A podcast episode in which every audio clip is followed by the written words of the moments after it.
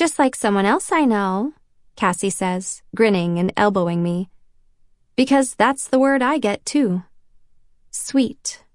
I'm pretty famous for it, actually. Every yearbook I own is filled with, You're the sweetest, stay sweet. Sometimes spelled like sweat. He's kind of cute, Cassie adds. What's his deal? Reed? Mina asks. Yeah, like, is he single? Asks Cassie, and my whole body goes on high alert. I mean, Reed's Facebook profile said single. Capital S, single. But maybe he's one of those people who never updates his profile. Not that it matters. Oh my god, this place is cute, Mina says, peering up the staircase at the front of the bakery. Right, Cassie says, taking the steps two at a time. Mina and I follow her up. So, this is literally a cheesecake bakery, Mina says, laughing. How did I not know about this? I guess you should hang out here more or something, Cassie says. I guess you're right. She smiles, and Cassie threads their fingers together, just for a minute. Probably no one even notices but me. I look quickly away, eyes on the display cases. What's up, cheesecakes? I'm just going to stare at you forever. Because when a tender moment happens between any two people, I turn into an 11 year old boy it is my most consistent talent. I don't think I've ever been so happy to see Olivia show up. We order some cheesecakes and bring them to a table. So, wait, back to Reed, Cassie says, leaning toward her. We still need the info on him. I could hug her. Not that I care. I'm just curious. But still. Right, Mina says. Well, he's definitely single. Oh god, how to explain Reed? She tilts her head. Like, he's one of those Ren Fair guys? Season pass, full costume? Olivia smiles. Aw, I love Ren Fair guys. Yeah, I don't know. I'd say he's the kind of guy you marry, but not the kind of guy you date. Or have sex with. Mina wrinkles her nose. Which pisses me off. Are there really people who just aren't the sex type?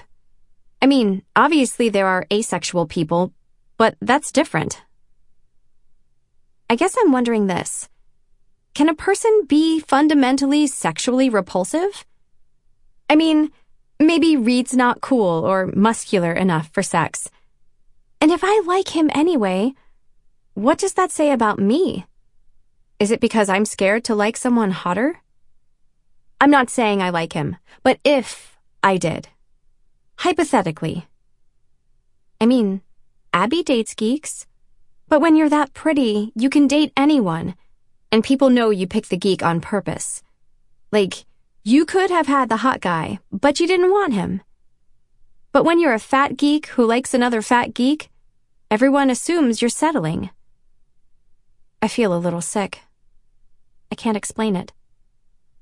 Anyway, Will was seriously flirting with you last night, Mina says. Um, okay. I feel my face grow warm. I don't know. I can't entirely process the idea that someone like Will was actually flirting with me.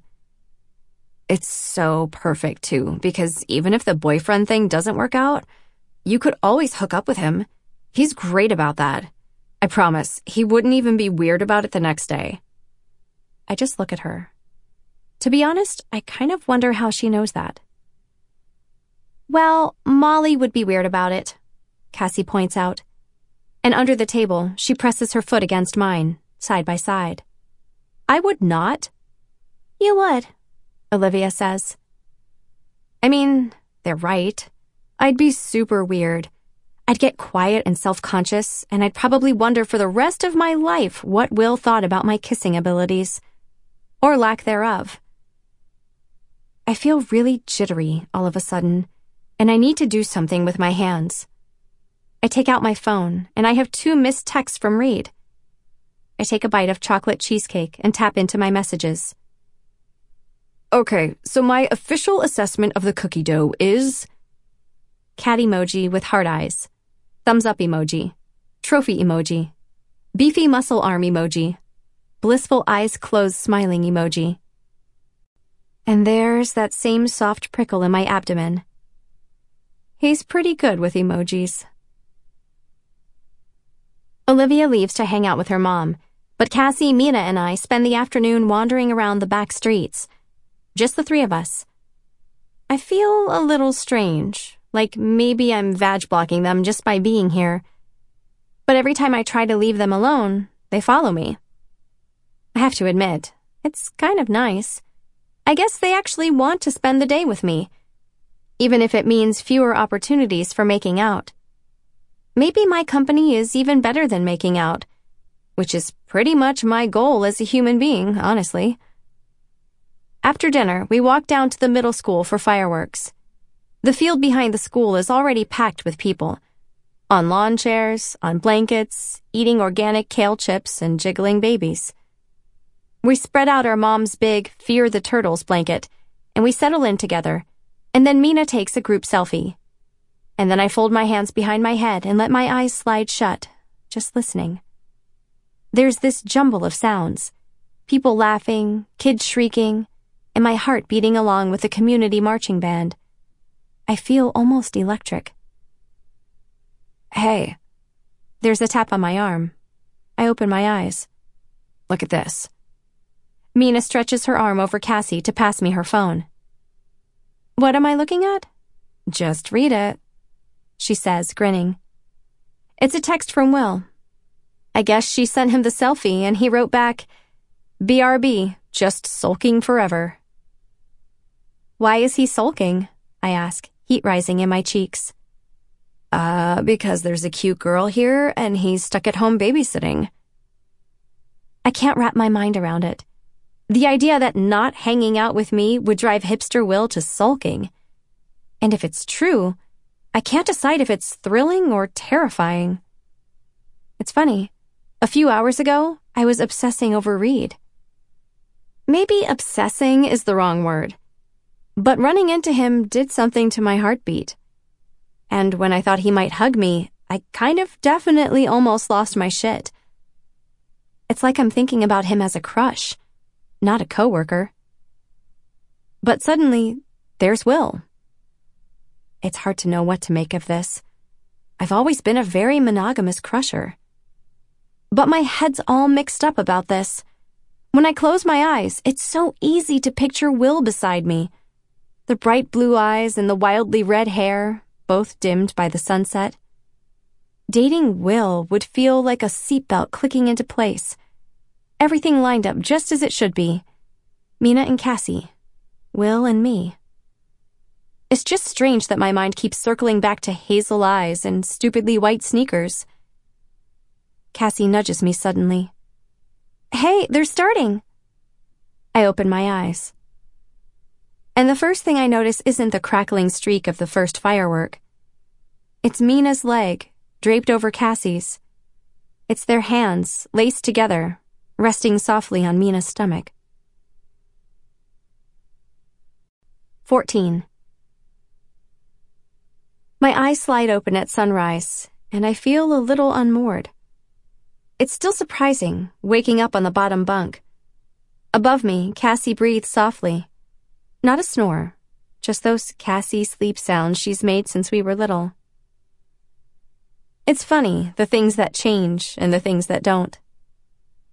I wander downstairs in my pajamas to find Nadine in the kitchen, sipping coffee.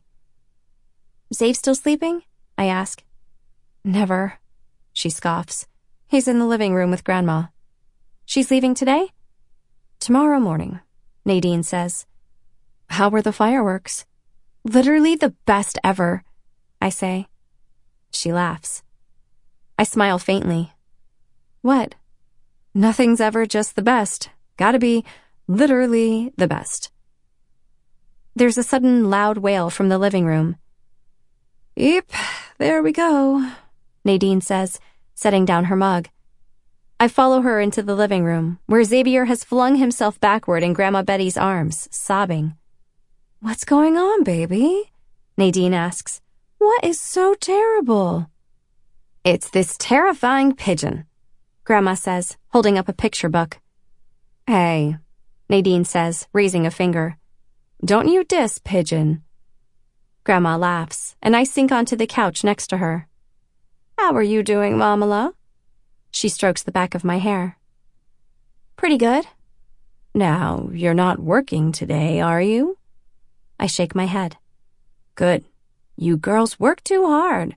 I think you should just take the day and relax. Well, I need to get started on wedding centerpieces. You're doing the centerpieces? Grandma asks. I nod. Well, that's very ambitious. How can I help? And she actually does seem up for it. So I let her cover the dining room table with newspapers while I grab mason jars and paint from the basement. I hand her a paintbrush. So I saw this in a tutorial on YouTube. Now, is that like the band? She asks. What? Nadine pokes her head in the doorway, grinning. She's talking about U2. Oh, no, this is different. YouTube is like. I trail off. I mean, how does a person explain YouTube to her 70 year old grandmother? I give up and start organizing my paints. I have these totally badass, magical Martha Stewart paints in pastel colors, and you can use them on anything, even fabric. Sometimes I paint tiny flowers on the collars of my cardigans. My theory is that it's impossible to plan a wedding without Martha Stewart paints, and I suspect there are studies that prove this. These are lovely, Grandma says. I show her where to paint and how thickly to coat it, and we settle into a sort of quiet rhythm. You've gotten to be so artistic. It takes me a minute to realize why I'm blushing. But then I remember. I've had this conversation before. With Will. And Cassie being mortifyingly unsubtle as usual. You know, my mother was artistic. Your bubby? She was a wonderful seamstress. She leans forward. She had a Model 201 Singer sewing machine, and she sewed all our clothing. They were beautiful pieces. The girls at school used to ask me where I bought my dresses. I nod, feeling like I should say something. She'd be so proud of you, Mamala. I have this sudden vision of my great grandma high fiving my other ancestors in Cassie's reality TV version of heaven. Now tell me, do you have a sewing machine? I shake my head. I just use a needle. Oh, well, We'll have to do something about that, Molly. It will change your life. Okay. I smile. Suddenly, I hear Cassie's footsteps on the stairs. Hey, I'm heading out, she calls. Hold up. Nadine steps into the living room, Zave balanced on her hip. Where are you going? To Mina's. Okay, but I need you back by dinner. It's your grandmother's last night. Um, Okay, we were gonna. Nope. You're gonna be right here with your butt in this chair by six o'clock. Got it? Cassie starts typing on her phone and doesn't respond. Nadine shakes her head. Yo, put the phone away. This is not how conversations work. I'm texting Mina. Uh, yeah, I know. Cassie's eyes flash.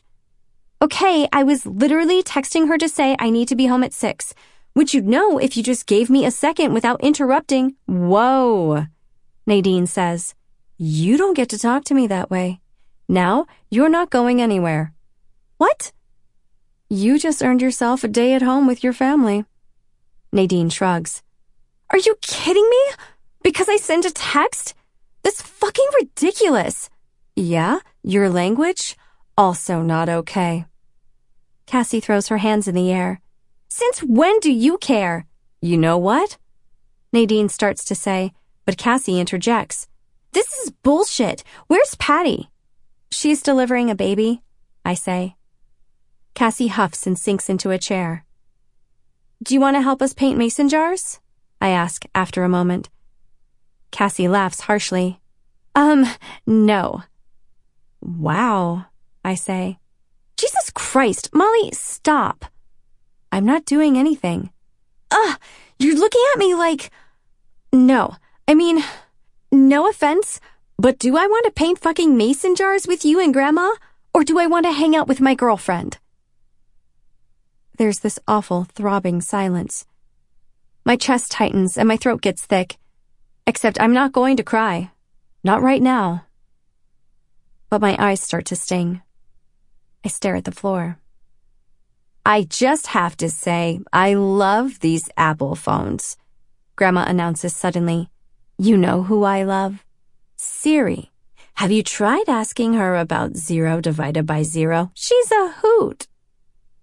Yeah, I don't even want to know how Grandma Betty knows that. But I get what she's doing.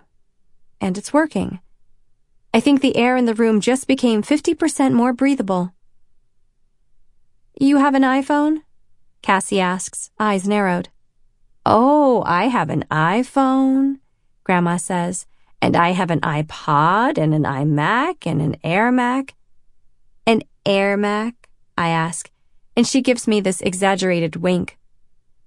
Betty, you're so full of shit, Nadine says, which makes me laugh, despite myself. Despite everything. Grandma wags her finger.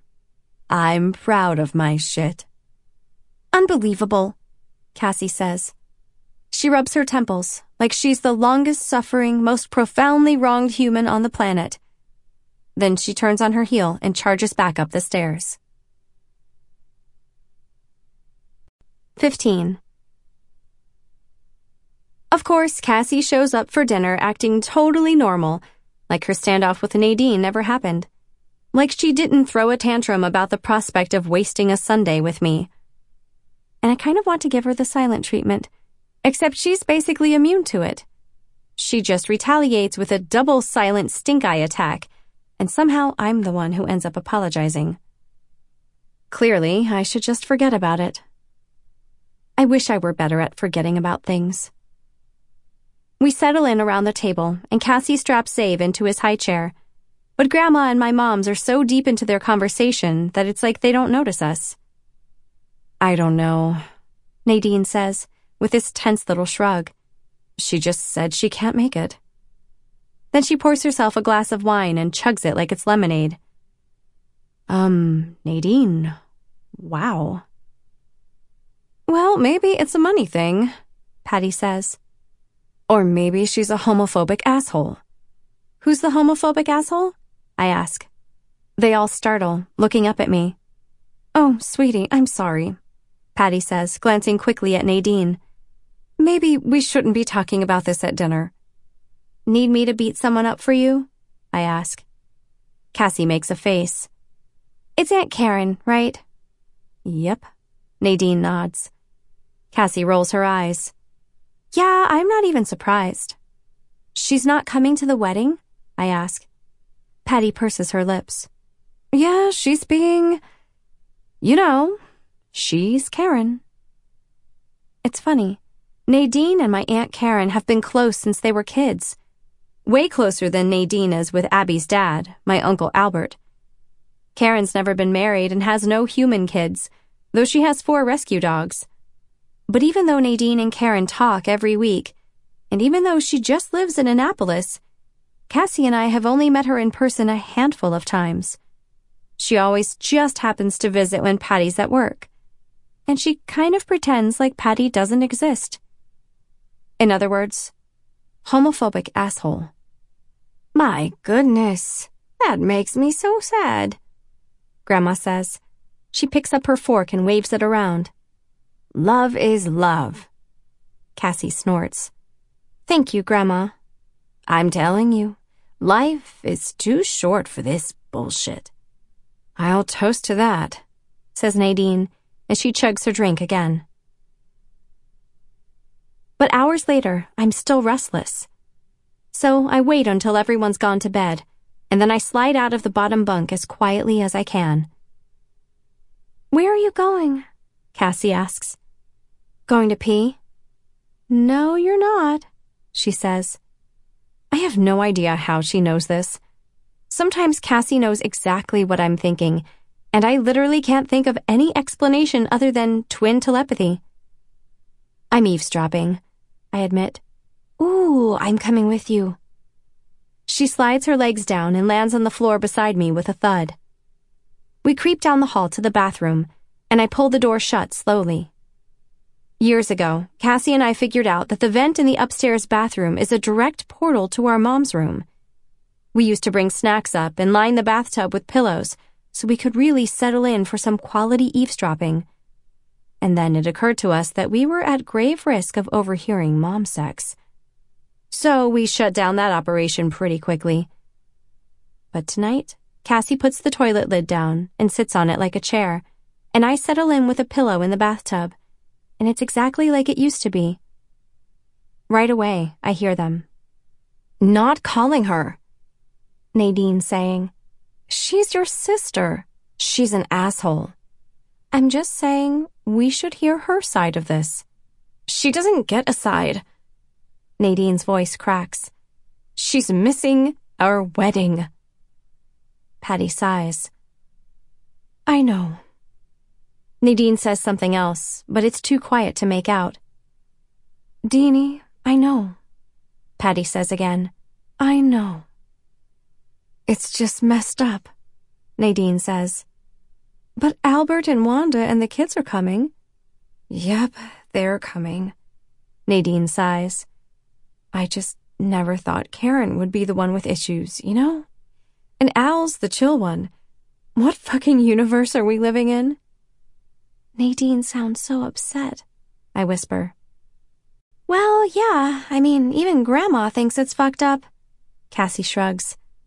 Like, that's a pretty clear sign we're wading into some problematic shit. Yeah.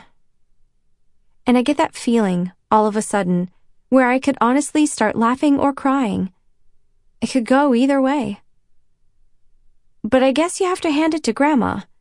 She has issues with weight, and she's maybe kind of racist, but she's never once had a problem with Patty being bisexual. When Patty came out, the first thing Grandma did was try to set her up with the cantor's daughter, It was actually straight, but Grandma gets thrown off when women have short hair. Anyway, Grandma tries and at least she'd never miss the wedding. Even Uncle Albert would never miss it. I just don't understand how you could miss your sister's wedding. If Cassie got married, you'd have to kill me to keep me away. And even then, I'd show up as a zombie. I'd be the zombie of honor. I'd lurch down the aisle with my face oozing off and my eyeballs popping out into my bouquet. But I would never, ever miss it so this Aunt Karen thing doesn't compute. Cassie must be thinking the same thing because she whispers, You'd never do that. No way. Because I'd kill you, she says, smiling. I'd deserve it. And I'd still show up. And I promise not to blow off your Straightsy wedding. Straightsy? I ask. Straightsy. Hetsy? Oh, I like Hetsy. Of course you do. It sounds like Etsy. I grin. That's what I was thinking. Yeah, I know. You're really predictable. Come on. She stands up. Let's stop hanging out in bathrooms. Me hanging out in bathrooms is the reason you have a girlfriend, I say. Touche. I feel this bubble of happiness. It's nothing, really. Just a moment. But it's the most normal moment Cassie and I have had all day out of nowhere, in the bathroom. Just us being us. So maybe we'll be fine. 16. I'm up before Cassie, and I've got hours before work, so I heft a bunch of fabric down to the living room. I'm making a garland. I've seen them all over Pinterest scraps of mismatched fabric tied onto a ribbon in colorful strips though I'm having trouble focusing. My mind keeps getting stuck on what Cassie said yesterday. No offense, but do I want to paint fucking mason jars with you and Grandma? Or do I want to hang out with my girlfriend? It's just a dumb thing she said when she was angry. And we're fine now. I should clearly let it go. But there's something about being lumped in with Grandma as one of the undesirables like I'm an annoying little sister here to rain on Cassie's parade.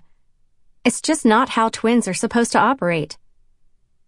I try to focus on the crisply satisfying snip of scissors through fabric. I try to be mindful. But my brain is such a whirlpool that I barely notice anything. I don't even hear Patty's footsteps until she's standing above me.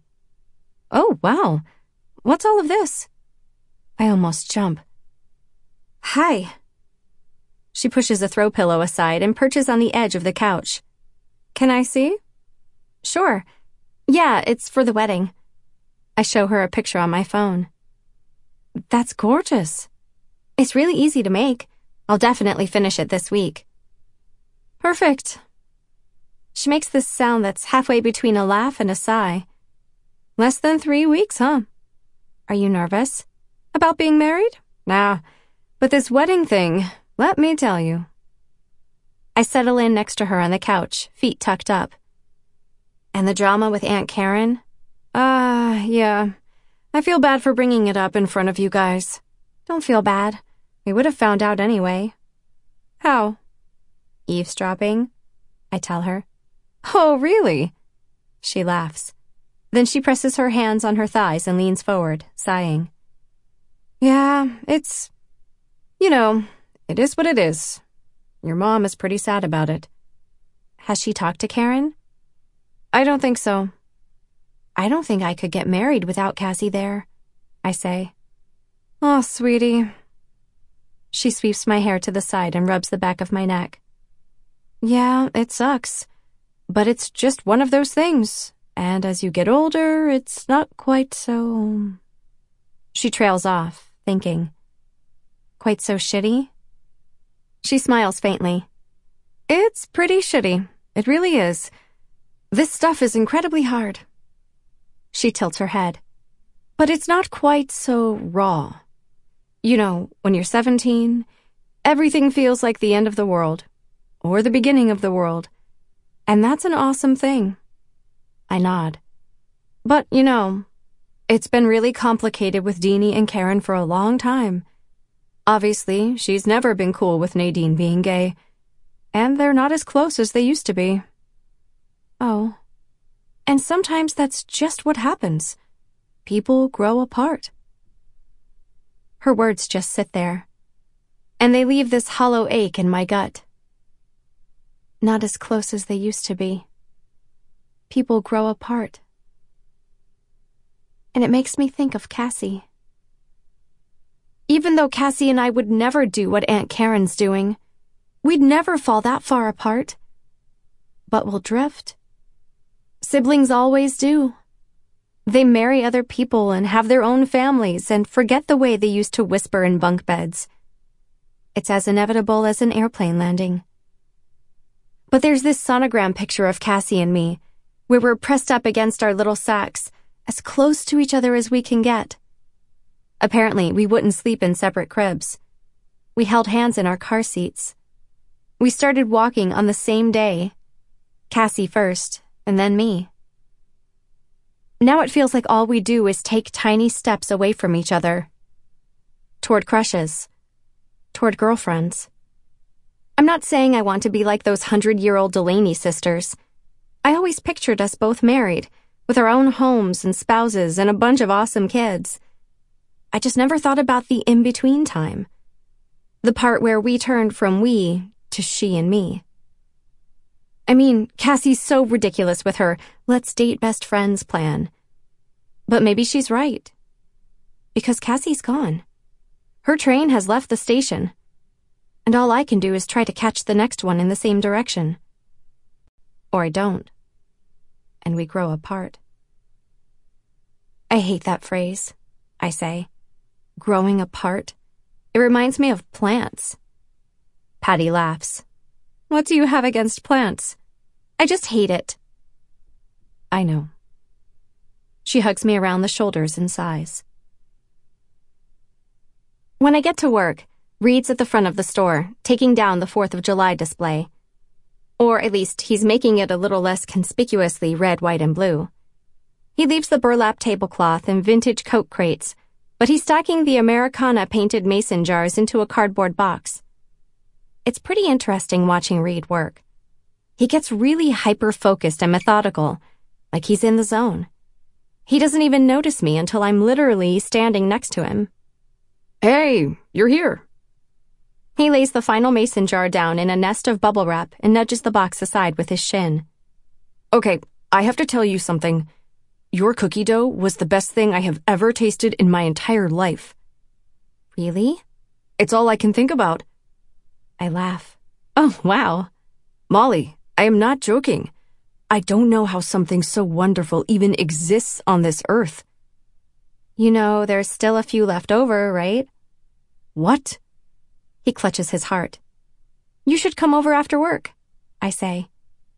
And then I immediately regret it. It's not the fact that I'm being extremely uncareful. That's a good thing. Uncareful is exactly what we're going for. Except the person I'm supposed to be uncareful around is Will. Because Will takes me a step closer to Cassie. Reed takes me further away. But still, my heart is beating so quickly. I open my mouth to speak again, but the words fall away.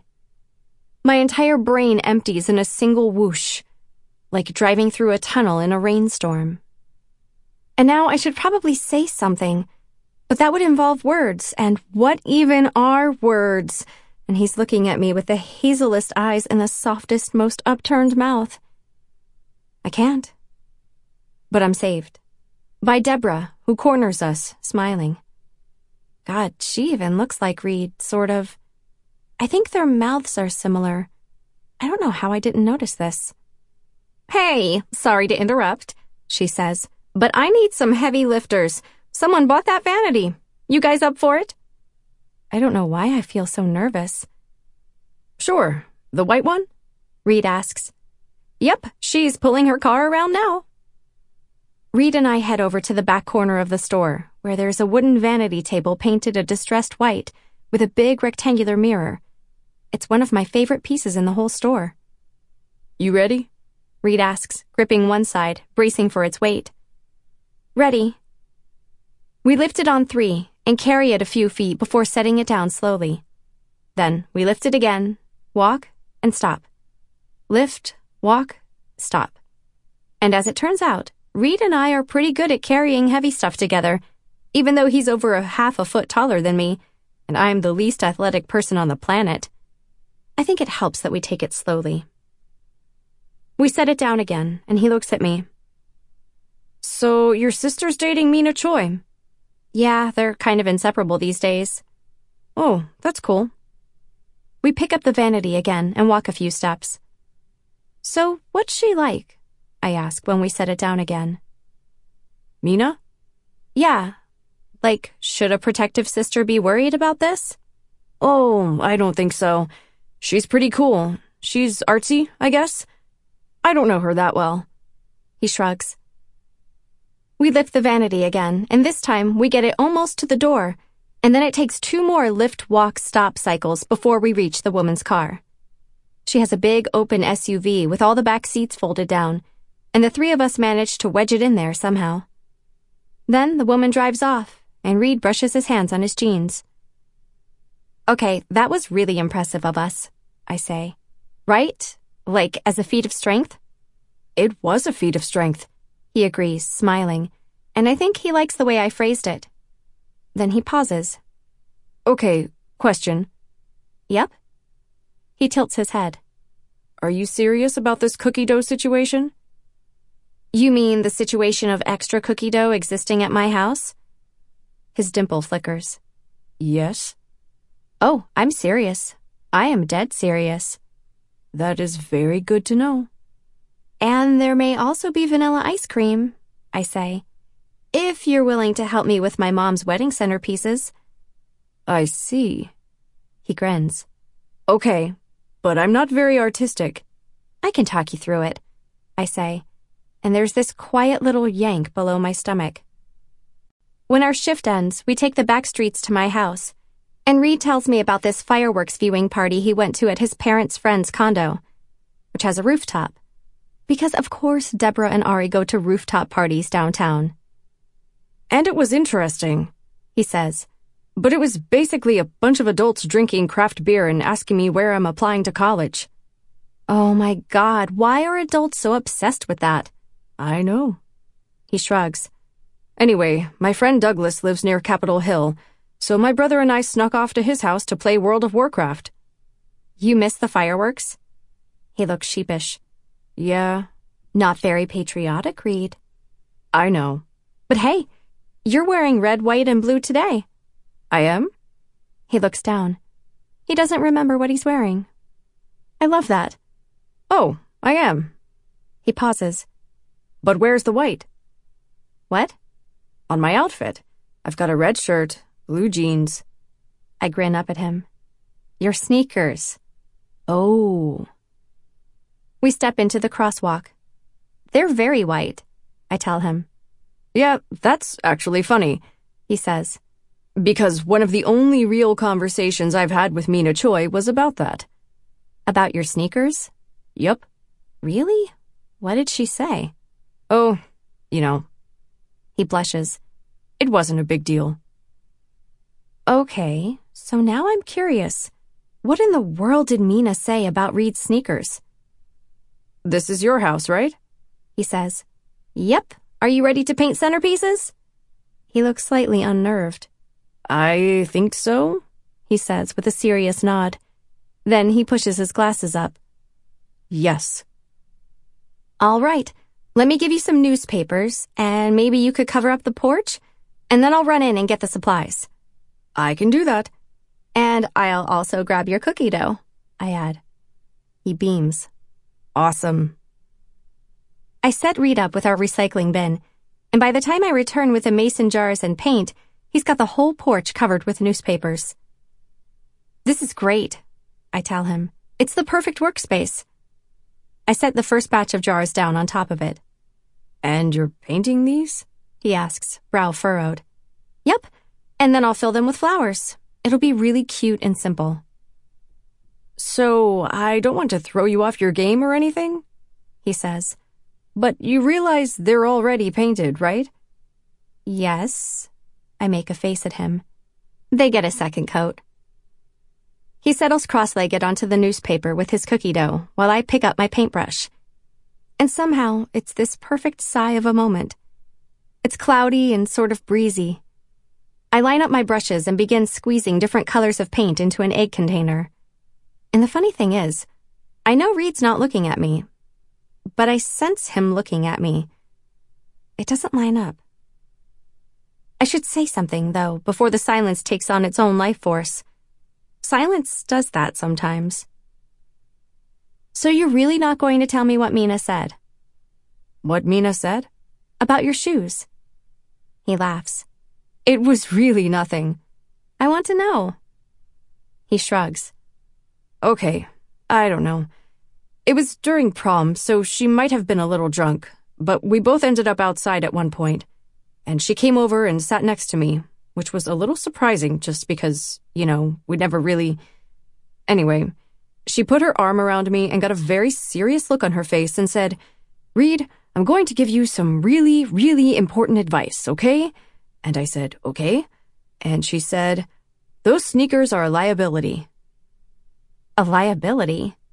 I ask. He nods and takes a quick bite of cookie dough. Yeah, like with girls. He blushes. With dating. Like my shoes are a turnoff. Oh, God. I cover my cheeks. Mina. Yeah, it was kind of weird, Reed says. But oh, there's a tiny secret part of me that knows. Mina's right. Sort of. It's hard to explain, but the sneakers are awful. They are so bright white. They're so loudly, defiantly uncool. Not that it matters. It totally doesn't matter. But come on. He wore the sneakers to prom. But you kept them, I say, nudging his sneaker with the toe of my flat. Yeah. He smiles. I don't know. I just don't care that much. About impressing girls? He blushes again. No, it's just, I am who I am, you know? I'm not ever going to be cool. He shrugs. But it doesn't really bother me. I think you're cool. He laughs. Thank you. I'm just saying. I turn a mason jar over in my hands and try not to smile. Because I have to admit, there's something really badass about truly, honestly not caring what people think about you. A lot of people say they don't care, or they act like they don't care. But I think most people care a lot. I know I do. Like, if someone had told me an article of my clothing was a liability, I'll be honest, I'd probably burn it. But Reed wears those sneakers every single day. And there's something interesting about that. Unsettling, but in a good way, like when a stranger looks you right in the eye. I feel suddenly nervous. I need to stick these in the oven, I say, standing abruptly. The paint needs to set. There's this springing in my chest. My pogo stick of a heart. When I step back outside, Reed suggests going on a walk, if I want to. And yes, I want to. So we do. We fall into pace together, our strides adjusting automatically. It's getting grayer outside, with heavy hanging clouds like wet diapers. That's how Nadine describes it. So, are you doing any other projects for the wedding? Reed asks as we come up on Laurel Avenue.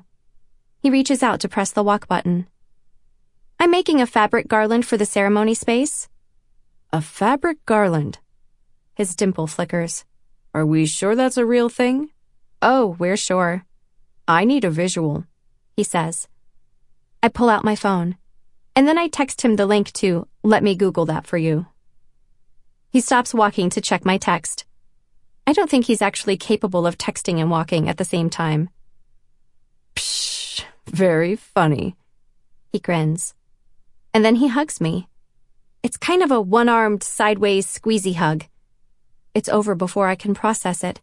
But now my insides are one big shaken Coke bottle. So I. He starts to say, but then the sky dims so suddenly it's like someone flipped a switch. The first few raindrops plunk down slowly. Then the sky splits open. Um, I say. Should we make a run for it? I think we have to. I look up at him. His hair clings slickly to his forehead, and rain slides down his nose and his cheeks and the lenses of his glasses. Can you see? He laughs. Can you? And then, carefully, he reaches forward, pushing my wet bangs to the side. My breath catches in my throat. Okay, let's run, I say quickly. He grabs my hand, and there's this pulsing tightness below my stomach. We run all the way back to my front porch, our clothes soaked through, hands still intertwined. The rain is still coming down so forcefully, the drops seem to ricochet back up off the pavement. It smells wet, and it sounds like stepping into the shower. He laughs. So that was. Don't be careful. But then the door opens. Our hands spring apart. It's Cassie and her eyebrows are raised to unprecedented heights. What is this? A wet t-shirt contest? Yes, I grin, my heart still pounding. You both lose, she says, but she looks at me quizzically. And I can read her thoughts as clearly as if she said them out loud. 17. And now I can't stop thinking about it. The rainstorm. All of it. My brain has turned the whole thing into a hazily lit movie reel, Valencia filtered, to a soundtrack of Bon Iver. I keep remembering the way our hands looked, laced together. My arms, covered in goosebumps. Reed's fingertips on my forehead, sliding my bangs aside. This is crazy, but I almost think he might have kissed me. Or I could have kissed him, and he would have kissed me back. So this is what it's like not being careful. I feel vaguely nauseated, like a weirdly pleasant norovirus, kind of the halfway point between vomiting and becoming a sentient heart eye emoji. Which means it's probably time to officially declare it. Crush number 27, Reed of the Sneakers. Reed of the cookie dough obsession. Reed of the year round mini egg relevance. I mean, I don't even know how to explain him. It's too soon. I'm too in the thick of it. I want him to text me, even though I know he's at work. He's probably unpacking picture frames at this very moment. But I can't stop checking my phone. Nothing. Miles of nothing. I try to lose myself in my garland, cutting slits into the ends of the fabric. The cool thing about cotton is that you don't have to cut the entire strip. If you rip it in the right direction, it comes apart in a single line. I need approximately 50 billion fabric strips for this garland, which is good because my hands need 50 billion distractions. If I'm ripping fabric, I'm not sending embarrassingly honest texts to Reed. Reed, I don't think your sneakers are a liability. Reed, you should have kissed me in that rainstorm. Maybe I should have kissed you. The weirdest thing is this compulsion I feel to say it out loud. I want to yell it into the tunnels of the metro and make it my Facebook status. I want to look Reed right in the face and say it. Reed, I just like you, okay? I think he might like me, too. Except maybe I'm misinterpreting. Or maybe he does like me. But what happens after that? We'd kiss. Okay. We'd have sex. I don't know. Even if he likes me, I'm not sure he'd like me naked. I hate that I'm even thinking that. I hate hating my body. Actually, I don't even hate my body. I just worry everyone else might. Because chubby girls don't get boyfriends, and they definitely don't have sex. Not in movies, not really. Unless it's supposed to be a joke. And I don't want to be a joke. I'm not scheduled for work on Wednesday, so I end up tagging along with Cassie to Mina's house. And it's slightly weird because Mina's parents are home. And I don't mean that her parents are weird. They're actually really cool. Mina's mom is a psychiatrist and her dad's a psychologist, but they're the type who don't want to be called doctor. Especially her dad, who almost seems like a hippie, which I didn't expect from a guy in Bethesda named Eugene. We end up making small talk in the kitchen. Mina's mom pokes at something on the stove, while her dad flips through a stack of mail on the counter.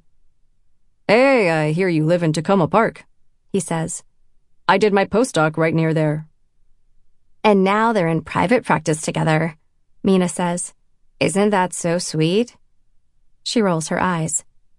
But Cassie nods eagerly. It is. Oh my goodness.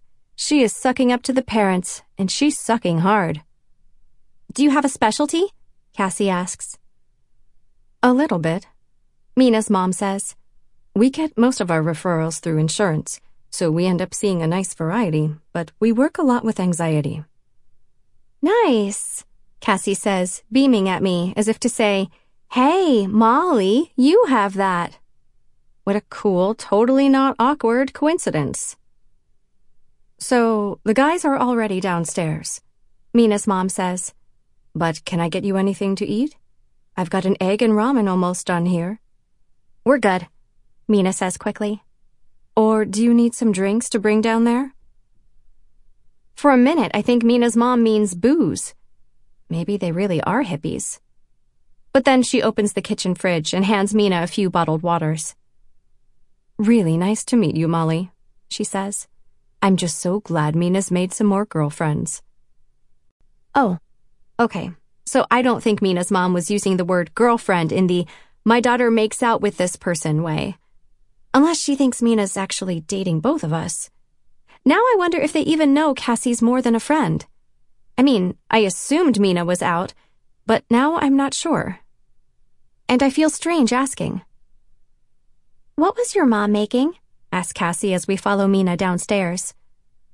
Egg and ramen? Have you never had that? Um, no, but it sounds amazing. Oh, it is.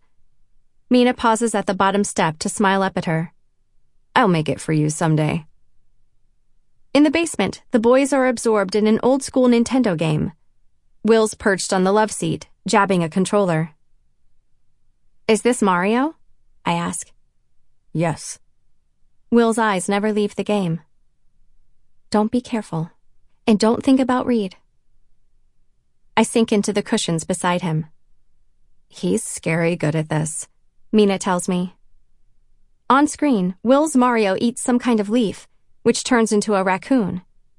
You have to wonder sometimes what these old timey video game inventors were smoking. I let myself zone out, watching Mario leap over cliffs and sink into pipes. Zoning out feels good. I just need to step outside myself for a minute. I feel so crowded in my head. I can't seem to shake this perpetual awareness of being Molly. Sometimes I'm a confusing person to be. My phone buzzes with a text. Abby. We got our plane tickets for the wedding, she tells me, and I'm bringing a plus one. Nick's coming? I write. Yes, and he's gonna wear a suit. OMG, he doesn't have to. He'll be the only one, I say. I don't care. I want to see him in a suit. Are you bringing anyone? Winky emoji, kissy face emoji. Why, yes, I write. If by someone you mean 84 mason jars and a zillion buttercream cupcakes. And a handmade fabric garland, I add. Molly, you are Pinterest as fuck, she writes. I grin at the screen of my phone. Why, thank you. But you should bring a date. You should ask Hipster Will.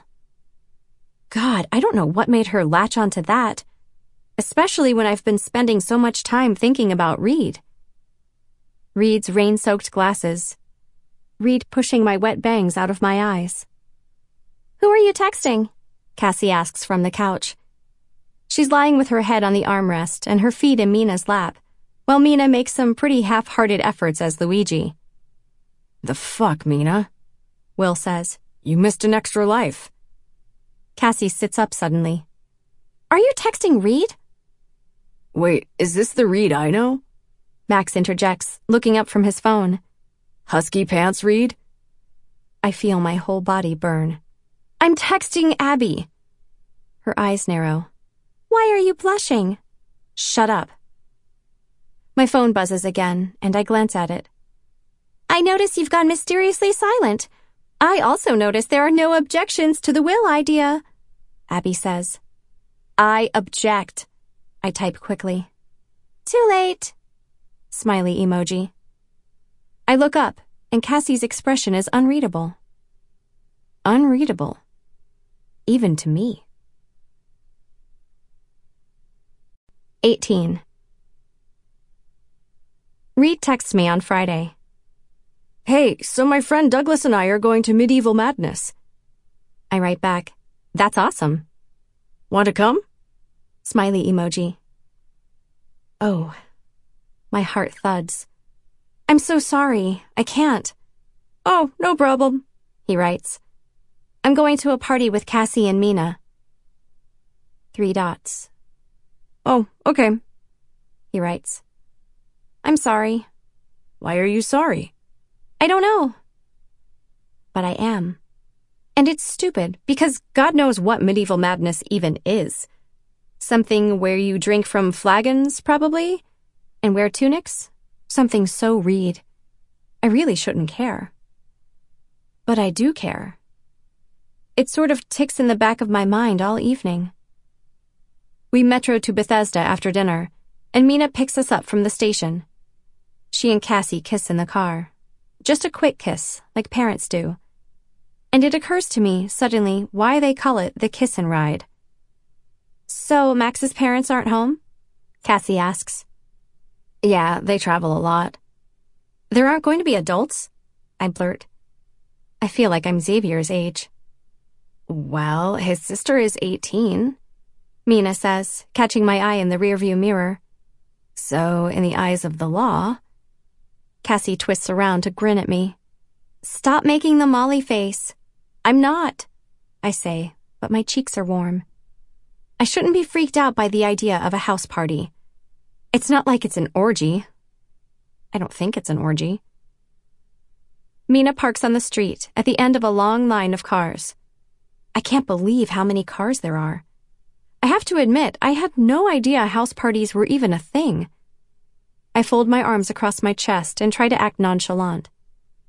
but there's something about tonight. Everything feels a little surreal.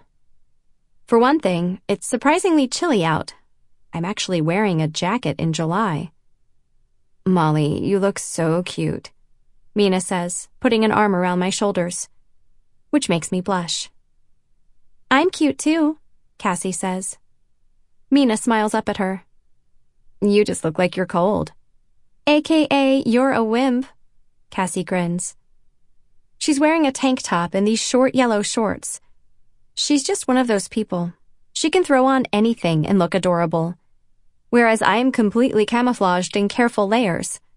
Under my jacket, I've got this belted dress, green with tiny birds on it, and a camisole and boots.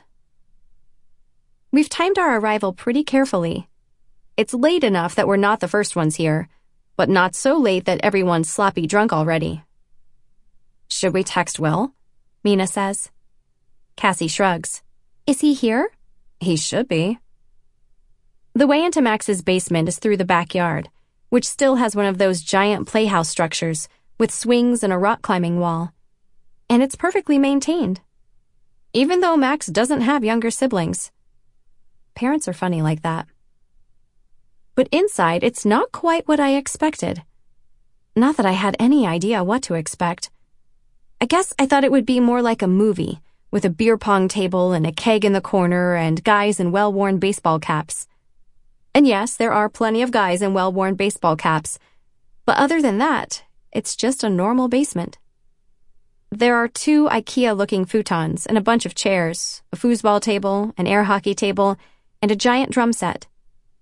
The lights are dim, and there are lots of people holding red plastic cups. Mina! Someone shouts. It's a girl I've never seen before, and she's ridiculously gorgeous. Tall, with light brown skin and wide hips and a very twee blue patterned dress. She nudges a fallen hoodie aside with her toe as she walks toward us. Hey, you must be Cassie. She's talking to me. Oh, I'm, I'm Cassie, says Cassie. This is Samar, Mina says. Oh, you're Samar, Cassie says. And now I'm wondering what planet I must have been living on, because I'm pretty sure I've never heard of Samar. But Cassie's greeting her like she's famous. I hate that.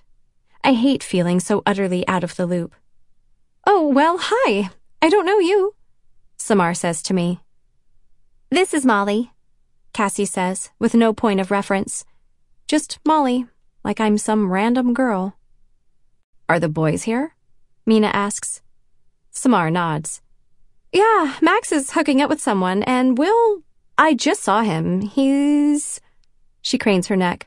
Oh, he's by the booze table, predictably. There's a desk at the back of the room that's been totally overtaken with little glass bottles and half full liters of Coke and orange juice. And there's Will, pouring Sprite into a red cup, his red hair perfectly tousled. His eyes light up when he sees us walking toward him. You guys made it. He grabs my hand. Molly, let me make you a drink. What do you want? Um, there's vodka, Jack, rum, and gin, I think. I hesitate. I guess rum? He pours a rum and coke and hands it to me, and I realize with a start that Mina and Cassie are gone. They've been absorbed into the crowd. There's someone waiting to pour a drink, so Will and I step to the side, in front of a futon. My legs are heavy with nerves, and I kind of want to sit, but people aren't really sitting. I guess you're not supposed to. Okay, so being alone with Will is making it very hard to keep my cool. Maybe it's just Abby getting into my head, but there's this prickling sense of possibility. It feels like something could happen between us. Something other than me blushing a lot and drinking a rum and coke with record breaking slowness. I can't handle this music, Will says. Who is this? I don't know. Maroon 5? That Adam guy? Ah, yes, that Adam guy. Will grins at me. That's the other thing about Will. He makes you feel like you're the only person in focus. Like everyone else is just background noise. I'm pretty sure it's not personal. Probably every girl who enters his orbit feels this way, at least for a moment. Still, I can see how people get swept up in him. It's just so hard to believe this is my reality right now. I'm at a party in Bethesda, and my sister has vanished, and now I'm alone with a very cute boy. Well, not alone, but we might as well be. I think his calf is touching mine. I wonder if people watching me right at this moment think I'm part of a couple. With Will, that's sort of thrilling. But I can't shake the thought that I could be at medieval madness right now with Reed. Like, there's some alternate universe Molly drinking from a flagon right this second. And yes, it just occurred to me that flagon rhymes with dragon. And yes, I really want to text Reed to tell him. But I probably shouldn't text Reed when I'm standing with Will. You must be hot, Will says, startling me. He means my jacket, but I blush anyway. I don't know if there's a place to put my jacket, I say. I'll take it. He sets his drink on a coffee table. You don't have to do that. No, I've got it. I'll find a spot for it. I unbutton it, feeling strangely like I'm in a movie. Undressing. I like your dress, he says when I hand the jacket to him. I love it. Thanks. I can't even look at him. So I'll be right back. I nod. But as soon as he leaves, I feel a hundred times more self-conscious. I sip my drink faster, my other arm curling across my body. It occurs to me that Will could peek at the tag of my jacket and see my size, which makes my heart jump so high in my throat that I almost run after him. But suddenly, someone's beside me. A random boy. Hey, want to hear something crazy? The boy says, as if we've known each other for years. I've never seen him before in my life. He's pretty cute, kind of athletic looking, with super short brown hair. Okay, I say. So, like, we're in this little town, he says, like, in England, and there's this big stone wall next to the street, like, just this big ass wall. And so we're pretty fucked up at the time, and my dude Jones has to pee. I don't know who Jones is or why I should care about his bodily functions. But maybe this is how parties work. Maybe there's some kind of drunk etiquette I don't know about. So he pees on the wall, but then he sips his drink again and then says, Shit. What? I'm gonna need a refill. You want something? And I don't know how any of this works, but I'm pretty sure I'm not supposed to let strange guys fill my drink. I'm fine? It comes out sounding like a question. I hate that. No worries, he says. So, like, well, I gotta tell you this part. There were these giant fucking. Hey. I look up and Will's back. Hey, man, says the guy. Will narrows his eyes at him. Oh, are you guys, like, together? Yes, Will says quickly. My heart almost stops. Oh, okay, cool. That's cool, the guy says. Okay, well, have a good night. He chugs the last of his drink and starts to leave, but then he turns back to face me suddenly. Okay, I just gotta say it. The guy touches my arm. You are fucking gorgeous for a big girl. I freeze. It's a compliment. I look at him. Fuck you. I've never said that before. At least not out loud. It feels kind of amazing. My heart pounds wildly. Whoa, okay, not trying to. Whatever. He tilts his hands up defensively and as he drifts back into the crowd, I hear him mutter, Fat bitch. Will looks at me. Okay, that was the hottest fuck you moment I've ever witnessed. Um, thanks. Do you even know that guy? Nope. Wow, just a random dickhole. I guess. I can't think straight. I can't think of anything other than the fact that Will said we were together. And I know he was just trying to get rid of the random guy. But still. He sinks backward onto the futon, patting the cushion beside him. I sit and tug my skirt down closer to my knees. My heart won't stop pounding. I take a tiny sip of my drink. He leans back, eyes flicking toward me, and he opens his mouth like he's about to speak. but I cut him off with a question, and I almost don't realize I'm asking it until it tumbles from my mouth. Why did you tell him we were together? Oh, shit. His eyebrows shoot up. Sorry, were you trying to? No, God, no. He was shady. Yeah, you looked really uncomfortable. I did? Will laughs. Yeah, your body language was like. He sits up rigidly straight with crossed arms and a look of utter terror on his face. I did not look like that. I mean, I thought you were going to vom. That's kind of your thing, right? Public barfing? He grins. Touche. I smile back at him. God, he really is so beautiful. His eyes are supernaturally blue. And he's funny and nice and smart and all the other things boys should be. Not to mention that he's best friends with my sister's girlfriend. It would make a lot of sense for me to fall for him. Much more sense than Reed, for example. I lean back against the cushions and squeeze my eyes shut. When I open them, I catch a glimpse of yellow shorts and tangled legs on an armchair across the room. It's Cassie and Mina. The funny thing is, Cassie's always described her hookups in glorious detail, but I've never watched one happen. I've never actually seen her make out with someone. It's weird. And sort of sweet. But mostly weird. They're completely intertwined. That's the main thing. It's not even that they're kissing continuously, but there's no space between their bodies anywhere. I watch as Cassie tucks a lock of Mina's hair behind her ear, and Mina's lips twitch into a smile. Then Cassie says something, and Mina laughs, and they kiss again, and Cassie's hand cups Mina's cheek. I definitely shouldn't be watching this, though I guess I'm not the only one. At least three dudes are blatantly staring at Cassie and Mina like they're the Super Bowl. The futon creaks, and I suddenly remember Will is sitting beside me.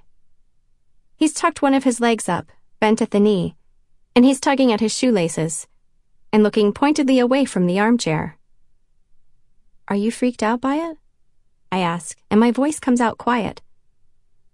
He looks up at me with a start. By Mina and Cassie? I don't know. I smile slightly. I guess. He leans back, staring at the ceiling. I think they're good together. Oh, well, yeah.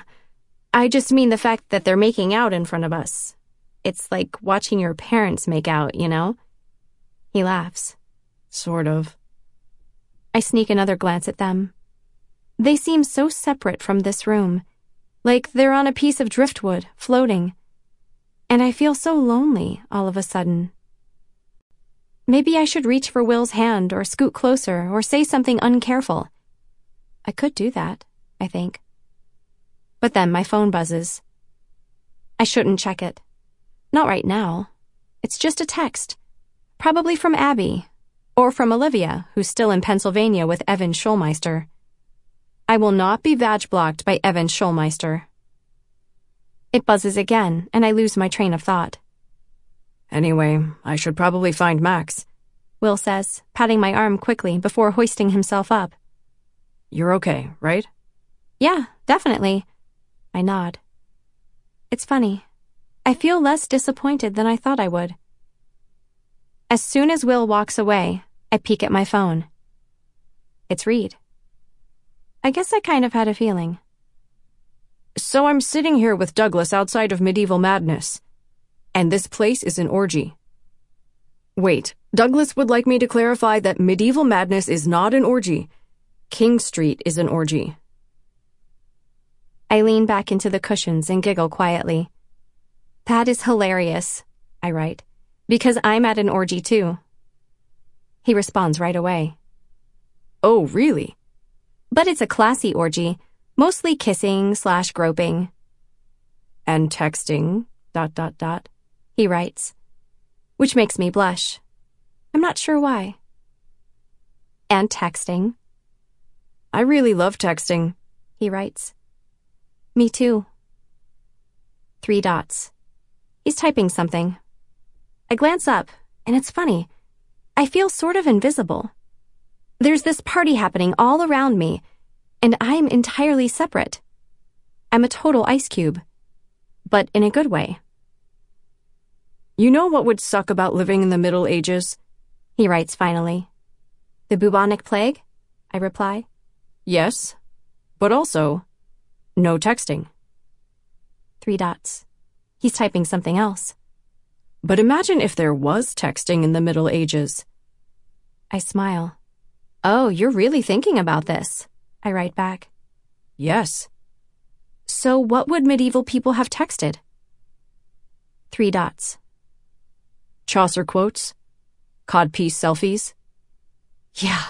Holy shit. This boy is funny over text. I can totally see you sending a codpiece selfie to Queen Elizabeth. I write. Wrong time period, but yes. G dash D, yes. And he does the Jewish thing with God's name. Fuck. That's cute. Step it up, Molly. Elizabeth, are you a virgin? Love, Reed. I type. He writes back immediately. Nope. Winky face emoji. Uh, wasn't she the Virgin Queen? Not if I'd been alive. He writes. Sorry, but who is this boy? Because I'm pretty sure he's flirting. And I did not realize Reed Wertheim knew how to flirt. I bite back a smile. And I'm about to write back something very uncareful when Cassie collapses on the couch beside me. There you are. Hey. Okay. Guess what? She leans her head on my shoulder and smiles up at me. You, Molly Adele, get the Lexus tonight. I just look at her. Why are you making the Molly face, Molly face? She giggles. Okay, how drunk are you? Just a little, she says and sighs. Molly, she nuzzles into the crook of my neck. You always smell so flowery. I laugh. It's our shampoo. You literally use the same kind. From the same bottle. Yeah, but I don't smell it on myself. Anyway, she pokes my arm. Aren't you excited? You get to drive Mina's Lexus. I'm not driving Mina's Lexus. Okay, well, she says, and I start to reply, but she covers my mouth. No. Hear me out.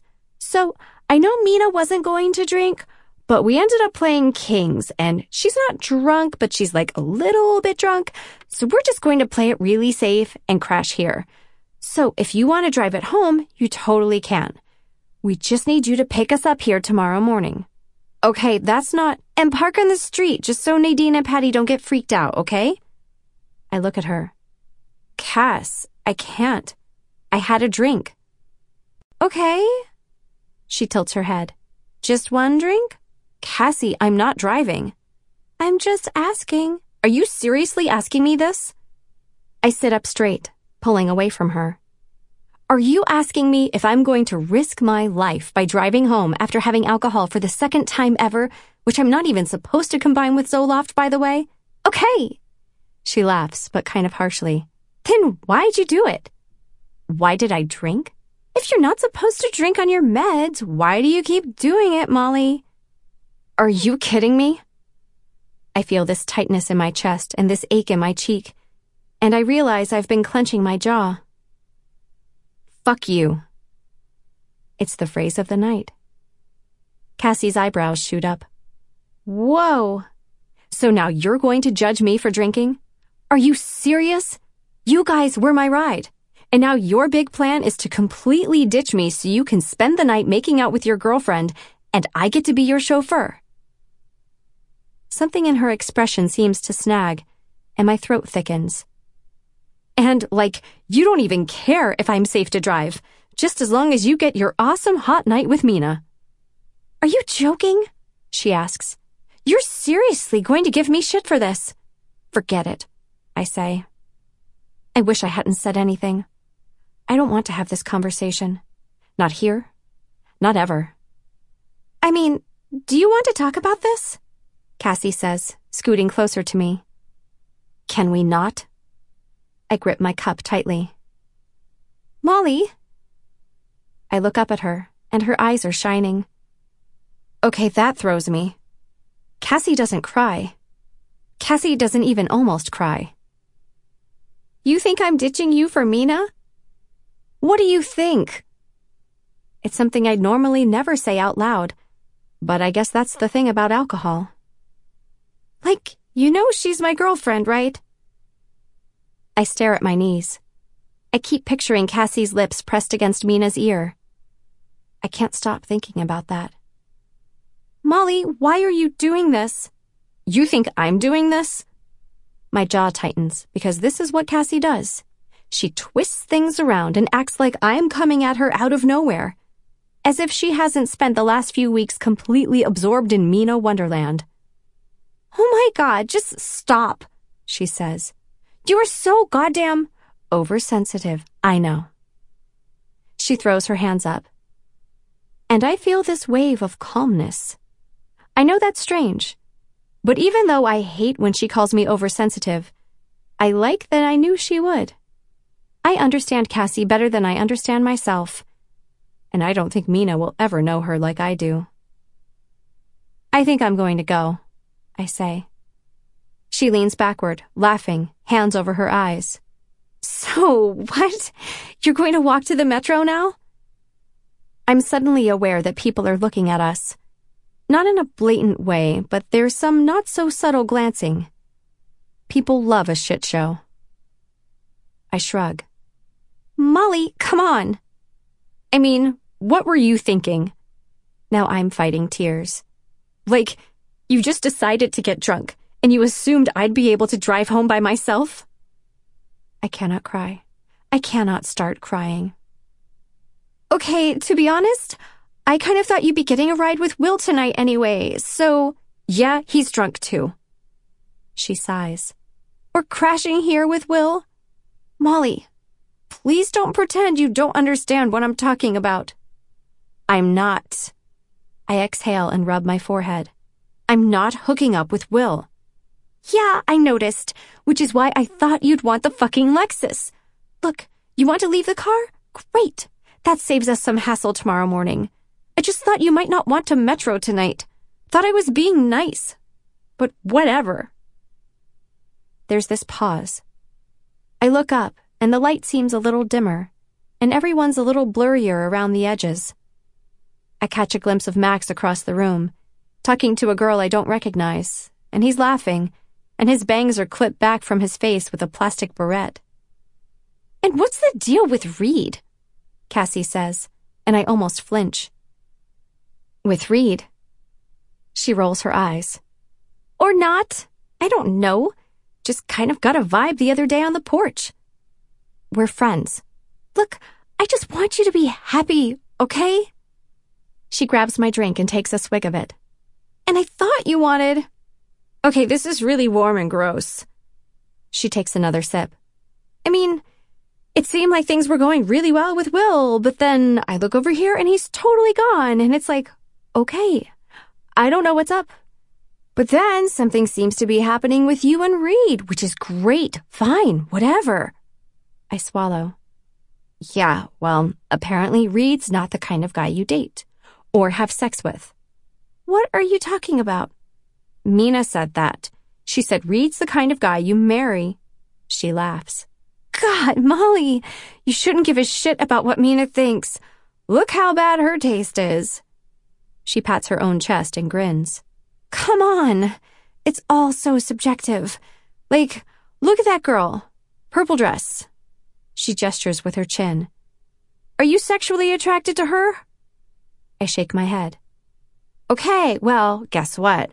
I think she's hella cute, and I would totally have sex with her. I'm sure Mina would be thrilled. Oh my god, I'm just making a point. We like who we like. Who cares if someone else doesn't get it? That's a good thing. That's less competition.